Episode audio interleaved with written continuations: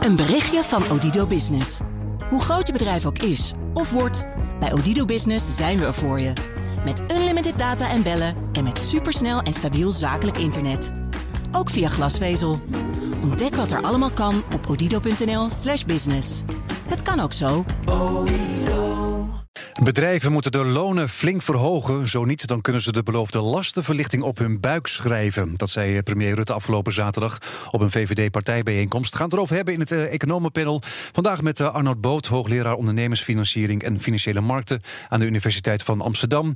Edin Mudjakic, hoofdeconoom van OHV Vermogensbeheer en Hans Stegemans, Head of Research and Investment bij Triodos. En mijn zakenpartner natuurlijk ook nog Alexandra Jankovic, managing partner bij Spark Optimus. Welkom allemaal. Ja. Zijn jullie verbaasd over die oproep van premier Rutte afgelopen weekend ineens op die VVD-bijeenkomst? Nou ja, verbaasd dat hij die gelegenheid uitkiest om zo'n zo'n expliciete uitspraak te doen. Uh, de inhoud zelf, de, de boodschap zelf, uh, ja, dit is een van de grote vraagstukken van de tijd. Waarom de lonen die nu wel iets aantrekken, uh, toch redelijk, redelijk zijn achtergebleven. En dus ook de arbeidsinkomensquote, hè, dus het deel wat naar arbeid gaat en vergeleken met het deel wat naar kapitaal gaat, mm -hmm. eigenlijk terugloopt. En over de laatste decennia terugloopt. Dus het vraagstuk is een heel serieus vraagstuk. Vanuit, dat, vanuit die optiek niet verrassend. Maar maar om er een half dreigement van te maken en om als politiek. Op, op een VVD-bijeenkomst het bedrijfsleven kreeg eigenlijk een tik op de vingers. En, en loonsturing door de overheid ben ik het algemeen niet zo voor. Nou, ik, ik, ik vond het nou, misschien is het wel typisch VVD om dan te zeggen van de markt moet het doen. En als het niet, dan gaan we, dan gaan we, dan gaan we iets anders niet doen als overheid. Terwijl ik denk dat het voor een deel misschien wel het omgekeerde is. Kijk, een deel van het vraagstuk is inderdaad achterblijvende loonontwikkeling. Maar in Nederland is een deel ook achterblijvende inkomensontwikkeling door lastenverzwaring. En daar mhm. ligt natuurlijk wel een taak voor de overheid. De overheid kan ook iets aan die lastenverzwaringen doen. En dat is natuurlijk wel hè, wat wij hebben geleerd van het akkoord van Wassenaar. Je kan loonmatiging krijgen als je lastenverlichting uh, geeft.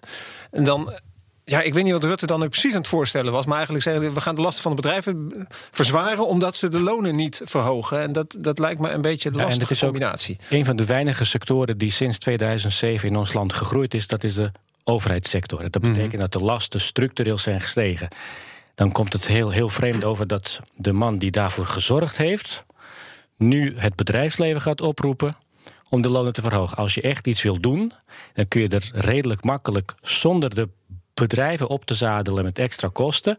De lastenverzwaringen die je in loop der tijd doorgevoerd hebt, ongedaan maken. Maar ja, dan zou hij zeggen van we hebben de inkomstenbelasting al verlaagd. Dus nu moet het bedrijfsleven moet, uh, zijn, zijn of haar deel gaan doen. Er zijn allerlei andere heffingen bijgekomen. Lokale lasten zijn gestegen. Dat is wat wij allemaal heel duidelijk merken, jaar in jaar uit. Ja, dus eigenlijk moet die bedrijfsleven niet aanpakken, maar zichzelf. Dat vind ik wel. Nou ja, iets anders wat je, wat je ook nog kan zeggen, wat ook wel typisch Nederlands is, is de flexibilisering van de arbeidsmarkt en de consequentie die dat heeft op bijvoorbeeld de positie van vakbonden en de legitimatie daarvan. Dat, dat zijn institutionele vraagstukken. Dat zijn geen vraagstukken waarvan je kan zeggen: goh, werkgevers, ga die lonen eens verhogen. Dat mhm. is een, een, veel complexer vraagstuk. En ik vind het dan te makkelijk dat je als minister-president zegt van kom bedrijven, schiet eens op. Niet dat ik het ermee oneens ben. Maar het is wel heel makkelijk. Het is te versnipperd allemaal, zeg maar, omdat de vakbonden macht verliezen... dat je loonsverhogingen kan nou afspreken. we, hebben het gezien de afgelopen weken in het pensioenakkoord. Die vakbonden die, die maken zich vooral verschrikkelijk druk over pensioenen... in plaats van over lonen. Omdat als je kijkt naar die achterban... Ze zijn voor de verkeerde doelgroep bezig eigenlijk. Nou ja, wel hun eigen doelgroep, maar die is wel enorm vergrijsd. Waardoor aan die onderhandelingstafel, aan die CO-onderhandelingstafel ja, is die macht van die vakbonden niet zo groot. Terwijl onze instituties daar nog wel op, op gebaseerd zijn. Hè. En de vakbonden vinden het pensioen belangrijker dan een loonsverhoging? Nou, hun achterban voor een deel wel. Maar even als we even aan de andere kant kijken. Um, het is makkelijk om kritiek te hebben op de uitspraak, uitspraak van Rutte. En het is inderdaad dat die overheid zelf ook het een en ander kan doen. Ik vind het wel laten we, laten we niet zo afbreken. Ik vind het wel een belangrijk signaal dat het breed leeft in de samenleving. Zelfs bij een partij die toch meer aan de rechterkant van het spectrum mhm. staat, hè, wat rechts tegenwoordig dan ook betekent, eh, dat, dat zij zien dat het wegvallen van de kracht van de factor arbeid, en dat is die achterblijvende loonontwikkeling, dat dat uiteindelijk in een democratie, in een samenleving, waar toch een soort saamhorigheid moet zijn, eigenlijk een soort, daar, een soort bedreiging voor is. Maar dat ziet het bedrijfsleven toch ook? Wat, wat, Dat zie je het bedrijfsleven dan toch ook, zou je zeggen? Ja, maar kijk, eh, kijk de, overheid, hè, de overheid heeft een collectief belang. Hè? De overheid heeft een collectief belang. Als ik als enige, eh, als bedrijfje mijn lonen verhoog, dan kan dat heel verstandig zijn. Want misschien krijg ik daardoor de beste werknemers en krijg ik een geweldig goede reputatie. Maar ik kan mij voorstellen dat het bedrijfsleven een soort coördinatieprobleem heeft. Een soort afwachtend el- is eigenlijk. Elk individueel bedrijf zegt, nou, als ik die mensen goedkoper kan krijgen, dan krijg ik ze goedkoper. Ja? Dus ik kan me voorstellen, en dat is ook eigenlijk wat, eh, wat, wat, wat Hans eigenlijk ook al zegt, hè, de, de macht van de factor arbeid, die is voor een heel groot deel weggevallen. En wij moeten echt ook voor de samenleving als geheel, voor de democratie, dat iedereen het idee heeft dat er erbij hoort, moeten we wel duidelijk krijgen dat arbeid ertoe doet. Ja, maar je hebt een, ehm, een aantal van die hervormingen die de overheid doorgevoerd heeft afgelopen jaren, eh, is geweest dat alle toeslagen die mensen krijgen of heffingskortingen krijgen, die zijn zeer sterk afhankelijk maken van je inkomen. Dus als de lonen omhoog gaan, loop je het gevaar dat je daar per saldo heel weinig mee opschiet, Ja. omdat je dan ineens minder recht hebt op een heffing of dat de toeslag die je nu eh, Waardoor je inkomen alsnog achteruit Dus gaat. Verlaag die lasten nou eens een keer. En dat is het effect voor werkenden is gelijk. Ja. Zonder dat het bedrijfsleven hogere kosten heeft. En laten we niet vergeten. Ehm, de lonen in de rest van Europa stijgen ook niet noemenswaardig uit. Maar ja, Dus in, als- in, nee, nee, nee, dat is het al ons. jaren miniem wat het eigenlijk eh, stijgt. Hoe kan dat eigenlijk dat het maar zo weinig stijgt? Is dat dan inderdaad omdat de vakbonden gewoon minder macht hebben? Dat iedereen on, Nee, voor, voor, voor, individueel... een, voor een deel. En dat is volgens mij wat Arnold net ook zei. Het- We hebben te maken met een internationaal vraagstuk. En we hebben in- met, met, met een. Met een concentratie van macht door allerlei factoren bij bepaalde bedrijven. We zien ook dat grote bedrijven steeds meer macht krijgen. Ook in Nederland. Ook richting een politieke lobby. Neem de vennootschapsbelasting. Dat is, eraan, dat is het, het grote plaatje. En daar helpt een, Nederlandse oproep niet zoveel tegen. Dus daarom is mijn pleidooi altijd... zorg dat je die instituties aanpakt. En dan nog niet eens zozeer de lastenverdeling... maar ook die instituties van die arbeidsmarkt. Want die zijn gericht op een arbeidsmarkt... zoals we die 30 vroeger jaar geleden hadden. Ja. En die werken niet meer. En dat is iets anders dan te zeggen van... eh, we moeten met z'n allen polderen in de, in, in de SER en daarover. Nee, het gaat bijvoorbeeld over het algemeen verbindend verklaren van cao's. Is dat wel wenselijk? Want je legitimeert daar eigenlijk een vakbond bij... met, wat ik net al zei, vergrijsde leden. Misschien moet je zeggen, nou, dat doen we dus niet meer. Maar, maar wie moet er dan voor zorgen dat die lonen omhoog gaan? Dan als je, als je die vakbonden helemaal wegcijfert. Kijk, ze hebben natuurlijk al veel minder macht. Maar als je ze afschaft, wie, wie doet het dan? Nee, kijk, er is, er is druk nodig. Eh, we kunnen er niet van uitgaan dat het vanzelf goed komt in de markt. Nee. Hè, dat weten we. En we, weten, we leven ook in een soort overgangsperiode. Hè? Grote technologische veranderingen.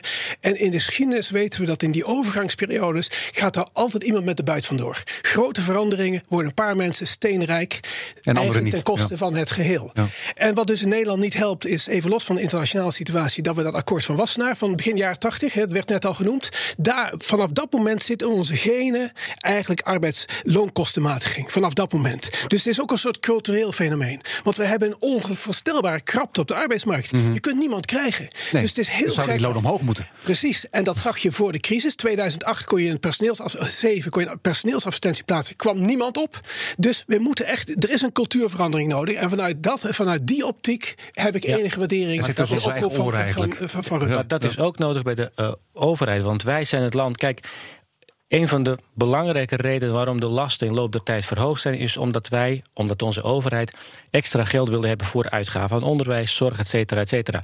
Ondertussen maakt diezelfde overheid bekend dat onze staatsschuld verder daalt. Ja, dat we miljarden gaan we zo meteen nog hebben, overhouden. inderdaad. ja. Ehm, als je die dingen samenneemt, dan heb ik het nog niet eens over het feit dat we als land voor het eerst sinds een heel lang, misschien wel ooit, gratis geld kunnen lenen. Nou, al die dingen samen, dan vind ik het heel zuur dat in zo'n omgeving de overheid er echt op vooruit gaat en dat het voor een deel ten koste gaat van het reële, de reële stijging van het inkomen van werkende Nederlanders. Ja, en Kees de Kort zei in het begin al van hij zou kunnen beginnen om de lonen van de ambtenaren flink te verhogen. Want daar gaat de overheid zelf over. Ja, maar dat zou. Kijk, en dan moet je dat op een kwaliteit. In het algemeen, daar ben ik niet op tegen trouwens. Je moet er wel aan koppelen dat je die kwaliteit van ambtenaren hoog houdt. Hè? Want het moet niet een goudgerande eh, baan worden. Want dan ondermijn je eigenlijk de grote kracht die Nederland heeft. met toch gemiddeld genomen een huizenhoog niveau van, van ambtenaren. Dan kun je ook hè, investeren in onderwijs. Ja, want als je de baan van leraar buitengewoon attractief maakt, dan zul je dus ook zien dat het bedrijfsleven met, qua lonen moet reageren. En nu is het tegenovergestelde. Nu is het leraar zijn niet attractief, terwijl dat uiteindelijk voor de groei van het land cruciaal is. En is het attractief om in het bedrijfsleven te zitten, ondanks de lagere lonen. Dus de overheid kan wel degelijk een impuls geven. Maar dat er iets, iets structureel fout zit in onze economie, geeft ook aan van die loonstijgingen uh, zijn de loonstijgingen van onderwijzers het laagst geweest vorig jaar. Terwijl dat de sector waarvan, ja, waarvoor nu al geld... Twee jaar daarvoor niet. Uh, nee, maar goed, nee. daar weten we met z'n allen... er zijn nu al in grote deel van het land te weinig leraren. We weten dat we in de komende jaren de situatie alleen maar erger wordt. En de loonstijging waar op de markt waar je, waar je van zou denken... dat die loonstijging extra hoog ligt... ligt die onder het gemiddelde van het hele land bezien. Maar zou er ook niet veel meer geïnvesteerd moeten worden, zowel bij de ambtenaren als in de bedrijfspopulatie, in scholing om om te kunnen gaan met die technologische veranderingen? Zeker. Ja, zeker. Ik heb het idee dat daar ook veel te weinig in geïnvesteerd wordt. Ja, dat, kijk, dat is mooi. Dat is waarschijnlijk ook waar we na die pauze nog over gaan spreken. Het, uh, je, je, moet eigenlijk een beetje doen wat we met het pensioenverhaal gedwongen, gedwongen waren te doen. Hè. Het is een heel stelsel, dus je moet heel veel dingen tegelijk, het is geweldig ingewikkeld, heel veel dingen tegelijk aanpakken. En dat geldt hier ook. Als je puur en alleen lonen verhoogt, dan loop je een beetje achter de feiten aan. Het is wel belangrijk, maar die investering in technologische vernieuwing, continu leren, uh, et cetera, ja, dat, die combinatie zou je moeten maken. En we hebben het geld. Hè. Nederland is onvoorstelbaar rijk. Dat is het. Ja. Dus dreigen zoals premier Rutte heeft gedaan, heeft eigenlijk niet zo heel veel nut. Nou ja, het, het, zorgt ervoor dat we het er nu over hebben. En dat is het enige voordeel. En ja, dat, dat, is goed dat we het er nu over hebben. Ja, okay. ja, Zuid-Europese landen zoals Italië die moeten hun hoge staatsschulden aanpakken. Maar ook Nederland en Duitsland uh, moeten aan de bak. Volgens uh, Lagarde, het uh, begrotingsoverschot staat op recordhoogte. En dat moet volgens de IMF-topvrouw worden aangepakt. Eerst maar hoe komt het dat het allemaal op recordhoogte staat? door ons uh, jarenlang zeer prudente begrotingsbeleid. Hè? En dat is eigenlijk waar we, uh, waar we net ook al aan raakten. Uh, als wij maar denken dat het slecht gaat, gaan we het dak, gaan we het dak repareren. En vervolgens gaan we daar net zo lang mee door totdat nou ja, het dak helemaal vol ligt. En bijna dreigt te bezwijken. En dat is, dat is ongeveer, dat is ook typisch Duits en typisch Nederlands en wat wij doen. En wij denken altijd door schade en schande wijs geworden, want het komt natuurlijk wel ergens vandaan. Het, het is bij tijden nodig. Maar we denken dat het altijd verstandig is. En, en het is nu niet verstandig, hoor ik? Nou, eigenlijk heeft de afgelopen tien jaar op zijn minst bewezen dat, dat er wel iets anders, dat er een soort nuance in zit. Hè? Je, je, je wil voorkomen dat je tijdens een crisis keihard moet bezuinigen, dat wil je mhm. niet. Maar je moet ook goed kijken op dit moment, waar het gewoon hartstikke goed gaat, waar we een begrotingsoverschot hebben, waar onze staatsschuld al onder de 60% zit. En de rente, wat Ede net al zei, gigantisch laag is. Misschien kan je dan iets heel verstandigs doen voor de toekomst van je eigen land, voor de infrastructuur. Maar als je het nu niet doet als overheid, wanneer dan wel? Ja. Je, hebt, je, hebt, overschotten, de staatsschuld is veel te laag. Of uh, veel te laag, is echt laag. Uh, te laag. Ja. De rente is negatief als je daar inflatie van afhaalt. En ondertussen, en dat maakt het echt helemaal zuur. Ondertussen hebben we het in dit land al heel lang over dat er hogere investeringen nodig zijn mm -hmm. in infrastructuur, in het onderwijs, in de zorg. En steeds is het antwoord: er is geen geld daarvoor. En het geld is er wel in, in, in dat grotere beeld, alleen al die lage rente, mm -hmm. voor Nederland staat negatieve rente, dan wordt het toch allemaal een beetje lachwekkend. Maar heeft Nederland te veel belasting of geven we gewoon te weinig uit? Nee, kijk, Nederland, het is ook de euro. Hè? Eh, de, de euro zorgt ervoor eh, dat onze munt uh, te goedkoop is. Ja, doordat het zuiden van Europa meedoet, is de munt goedkoop. Dus wij worden constant vanuit, dat, vanuit die optiek eigenlijk gesubsidieerd door de rest van de eurozone. Het klinkt heel vervelend, want, we, want ik ben er helemaal niet voor dat. Kijk, Italië is natuurlijk om de havenklap onverantwoordelijk bezig. Maar het is wel degelijk zo dat de euro te goedkoop is voor Nederland. Mm -hmm. Want die grote overschotten die wij maken, is omdat die euro te goedkoop is. En bovenop die bezuinigingsdrang uh, waar, waar Hans het al over had. Dus, dus, dus we moeten, wij kunnen uh, meer besteden, investeren. En uh, om te spreken over hoe rijk we zijn. Wij hebben, de overheid heeft meer dan de staatsschuld als te goed op de pensioenfondsen. Dat klinkt heel raar, maar wij zijn een land waar je uit inkomen voor belastingen ja. 12, 1300 miljard hebt gespaard. Waar de overheid een belastingclaim op heeft van 450 miljard. Dus Nederland heeft helemaal geen staatsschuld, want andere landen hebben die berggeld helemaal niet. En de overheid ja. heeft die claim op het pensioenfonds ook niet. Dus Nederland heeft in wezen geen staatsschuld en, en die overschotten. En, dus moet er geïnvesteerd worden, zegt Lagarde. En ook in hoge kwaliteit. Maar waar moet je Ja, dan en in dat, is investeren? dus, en dat is dus het probleem van de euro eigenlijk. Hè? Want het is nou niet zo dat Nederland, eh, als je naar de infrastructuur kijkt in Nederland, dat we hier in een arm land rondlopen. Hè? Ik, ik kwam laatst een Belg tegen die in Nederland woonde. En die weg voor, voor zijn deur werd geasfalteerd. En die zei tegen mij: Nou, in België hadden we naar die weg gekeken. En hadden we gezegd: Die kan er wel twintig jaar mee. en, en in Nederland wordt alles meteen, eh, meteen Ja, gedaan. Dus het is niet zo dat de investeringen zomaar voor het oprapen liggen. liggen. Dus je moet echt gaan denken over slimme dingen. Je Mhm. Moet gaan zou- denken wat over onderwijs. Onderwijs. nou- onderzoek, onderwijs. Iedereen staat onders- iedereen weet al wat volgens nee, mij. Ja, maar eh. voordat we met, met gigantische, onverantwoorde ideeën komen. Je praat over de kwaliteit van de samenleving. Dan praat je over onderwijs, onderzoek. Dat soort aspecten En moet je ik wil toch nog even, ik werk niet voor niks met Triodos, maar een, een duurzaamheidstransitie. en- nee, maar we, we zijn al een anderhalf jaar bezig over het klimaatakkoord. Wat blijkt sinds, sinds, het, eh, sinds eind december het grote probleem? De betaalbaarheid van een energietransitie. Maar dat geld is er dus al. Nou, als je als land besluit van wij vinden dit belangrijk voor onze toekomst. Hè, en dan, dan is het nog altijd de vraag: wat moet de overheid nou uiteindelijk doen en wat laat je aan de markt over? Maar er is linksom of rechtsom geld voor nodig, of in de vorm van subsidie. En dan eh, altijd de vraag aan wie. Maar dat geld is er. Ja. En dan is het heel raar dat je zegt van nou, zo'n grote maatschappelijke opgave. Daar gaan we niet aan beginnen, want we, we, we verzanden in telegraafkoppen over dat eh, we geen eh, vlees meer mogen eten. Dat is, eh, Ja. Maar wij weten Daar kan je iets mee. Wat wij in de komende jaren heel graag willen met z'n allen is economische groei omhoog. nou, wij economen weten eh, eh, eh, zeer zeker dat die houdbare groei, om even bij jou aan te sluiten, heel Hans, goed, heel goed. komt voort uit het aantal mensen dat aan het werk is en de stijging van de productiviteit van die mensen. Nou, Ja. De vergrijzing zorgt ervoor dat eh, de bijdrage aan de groei vanuit het aantal mensen dat werkt, daar kun je eigenlijk een streep doorheen eh, trekken.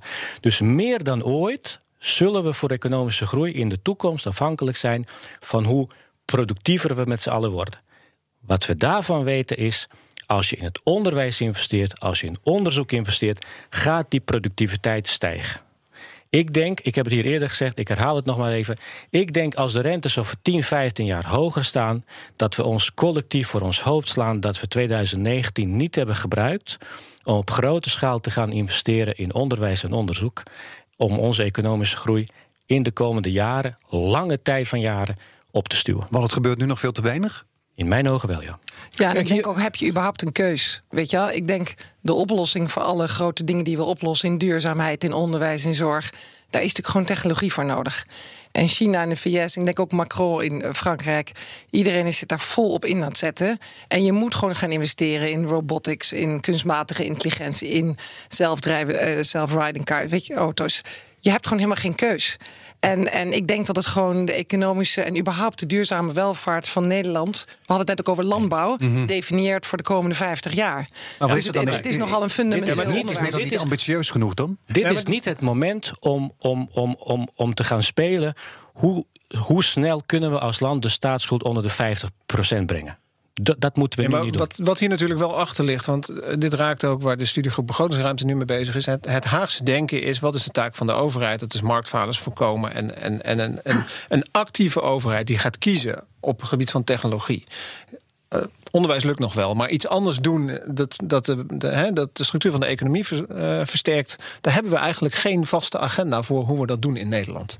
Eh, wijs geworden door een RSV-enquête en andere debakels in het verleden, durven we dat niet. En ik denk toch dat we, precies wat jij net zegt, dat, dat we daar echt over moeten gaan nadenken op dit moment. Van ja, misschien moet de overheid juist wel meer doen in de algemene technologische ontwikkeling, kwaliteit van onderwijs en dat soort zaken. Ja, want die, van die studiegroep waar je het over had, is de studiegroep Begrotingsruimte. Die club moet dan de nieuwe begrotingsspelregels eh, bepalen, maar die doet het niet goed genoeg. Nou, dat is, dat is een ambtelijk schimmenspel, zeg ik altijd maar. Gewoon waar, waar, alle, eh, waar financiën dominant in is. Eh, en die eigenlijk de, de regels opstelt waar op basis daarvan de nieuwe verkiezingsprogramma's worden doorgereden. Dus dat is heel belangrijk. Hè? Om, om, Zalm was toen nog een topambtenaar toen de Zalmnorm daarin verscheen. En later werd hij de minister die het uitvoerde. Dat is natuurlijk heel dominant in de speelruimte die politieke partijen krijgen. En waar ze heilig in geloven. Eh, maar daar ligt nog wel een heleboel keuzes in die die ambtenaren eh, niet maken. Die, die hebben het Haagse paradigma waar we het net over hadden. Moeten de begroting op orde hebben, moeten zorgen dat we geen geld uitgeven. En nadenken over een overheid die, die, die echt gaat kiezen en echt gaat investeren. Dat is dat zal daar niet in verschijnen. Is dat gebrek aan lef? Nou, het is ook een wet van de remmende voorsprong. De Nederlandse economie is uitermate sterk. En Nederland doet het eigenlijk fenomenaal. We liggen ook fenomenaal hè, qua eh, positie in de wereld, eh, qua eh, politiek. Je kunt er altijd kritiek op hebben, ambtenarenapparaat, je kunt er kritiek op hebben. Maar het gaat hier fenomenaal. Dus de wet van de remmende voorsprong speelt. Hoe kun je, als er geen urgentie is, hoe kun je, hoe kun je groot beleid uitzetten? Dan ga je voorzichtig zijn misschien wel. Dan ga je voorzichtig zijn. En ook hetgeen waar je succesvol in was, daar hecht je natuurlijk heel zwaar aan. Dus, dus dit is de uitdaging. En dan de volgende uitdaging is: kijk, ik ben helemaal voor een blik op de toekomst. Hè. Eh, eh, Het probleem van de overheidsfinanciën is altijd: ze, ze maken geen balans van de overheid. Hè. Dus elke investering is eigenlijk een uitgave. Terwijl een investering, dat zet je op de balans toch? Dat, dat, dat, daar word je als land rijker van. Maar als je dat als uitgave ziet, dan probeer je te vermijden. Kijk naar hoe er bezuinigd is eh, de, op, het, op het leenstelsel voor leerlingen, voor studenten. Studenten, ja. Je komt toch niet op het idee om dat in te voeren. Als iedereen op 18 jaar eh, naar, de, naar de school moet, dan ga je ze toch niet laten lenen als je als land rijk genoeg bent. Eh, je laat mensen lenen als ze iets heel specifiek alleen voor zichzelf willen. En waar de anderen geen profijt van hebben. Maar wij zijn voor een of andere reden, kijken wij daar niet naar. En we laten die leerlingen laten we nu allemaal lenen, wat nergens op slaat. Nee, maar Nederland is een fenomenaal land, ben ik mee eens. Alleen net als bij voetbal, als je na 45 minuten 4-0 voor staat... en je, je gaat in de tweede helft ga je niks doen... en je laat de tegenstander makkelijk naar je doel komen... Na 90 minuten sta je achter. Dus dat we zo'n voorsprong hebben, wil niet zeggen dat het altijd zo zal blijven zijn. Je moet er steeds blijven investeren om die voorsprong te behouden. Wij zijn fenomenaal land, maar we moeten blijven investeren om fenomenaal te blijven. jullie, zijn het eens, we laten het liggen nu. Nu in deze goede tijden, toch? Laten we het nog even hebben over de, de ECB. Want eh, de ECB doet al jaren zijn best om de inflatie omhoog te krijgen naar eh, dichtbij, maar minder dan eh 2% Dat wil maar allemaal eh, niet lukken. En ze doen toch zo hun best eh, al die jaren. Waarom lukt dat niet? Nou, als het, eh, als het alleen bij ons het geval zou zijn geweest, dan zou je kunnen afvragen: ligt het niet aan de ECB? Maar je ziet het ook in de VS. er worden allemaal dingen ondernomen: eh, opkoop van staatsobligaties, hypotheekleningen. Het wil maar niet. Dat, dat geeft dus aan dat er iets structureel anders is geworden in die economie. En dan sluit ik aan op wat Hans hiervoor zei over de. eh, eh, de overheid. De regels en, en, en normen die je had 10, 15 jaar geleden, die zijn misschien achterhaald voor deze nieuwe omstandigheden. En dan zou je dus ook als centrale bank ehm, eens een keer goed moeten gaan zitten. En Dus dat je niet meer streeft naar afvragen. 2% eigenlijk. Ja, en misschien hoort daarbij dat, dat het streven naar 2% niet meer haalbaar is. En het laatste wat je dan moet doen is zeggen.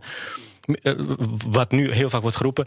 We moeten eh, het streefpercentage van inflatie verhogen.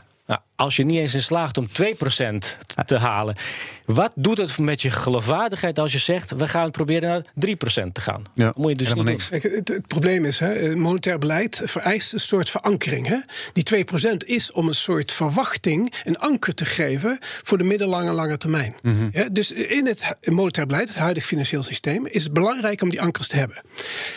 Tegelijkertijd, het is niet alleen die overheid, het is de veroudering van de bevolking, waardoor er een overschot aan besparing is. En denk ook even aan investeringen. De meeste investeringen die vandaag doen, dat zijn geen grote uitgaven. Vroeger moest je hele machineparken bouwen. De meeste investeringen zijn beperkt in uitgaven. Dus we hebben gigantisch spaaroverschot. Ja, en als je gigantisch spaaroverschot hebt, dan gaat die rente natuurlijk omlaag. Ja. En die 1, als ze nu gewoon zeggen van 1,2% is een norm aan inflatie, zou het erg zijn? gaat Wat niet- is daar mis mee? Ja, maar dat gaat, dat gaat in die zin ook niet werken. Dat je nog steeds aan het sturen bent. Hè, wat er de afgelopen tien jaar is gebeurd. De, de redding van de crisis was natuurlijk een, een ontzettend ruim monetair beleid. om erger te voorkomen. Eigenlijk vooral voor financiële stabiliteit in plaats van prijsstabiliteit. Dat is een, hè, de, de financiële stabiliteit is een succes. Maar het heeft natuurlijk wel geleid tot verlamming. dat de structuur van de economie. en ook het denken over monetair beleid. niet grondig herzien is. En we zijn nu tien jaar verder. We zien eigenlijk geen oplossing. De enige oplossing is Japan achterna gaan. Dat is een heel mooi land. Het is ook een geweldig rijk land. Maar qua monetair beleid is dat niet echt waar ik heel graag zou willen zijn. Oké, nou ik moet het hier helaas eh, bij laten. Dank jullie wel. Arnold Boot, hoogleraar ondernemingsfinanciering en financiële markten aan de Universiteit van Amsterdam. Edin Mujagic, hoofdeconoom OHV Vermogensbeheer en Hans Tegemans, Head of Research en Investment bij Triodos. En mijn zakenpartner natuurlijk Alexandra Jankovic, managing partner bij Spark Optimus. Prettige dag nog. Dag. Een berichtje van Odido Business. Hoe groot je bedrijf ook is of wordt, bij Odido Business zijn we er voor je. Met unlimited data en bellen en met supersnel en stabiel zakelijk internet. Ook via glasvezel. Ontdek wat er allemaal kan op odido.nl/slash business. Het kan ook zo.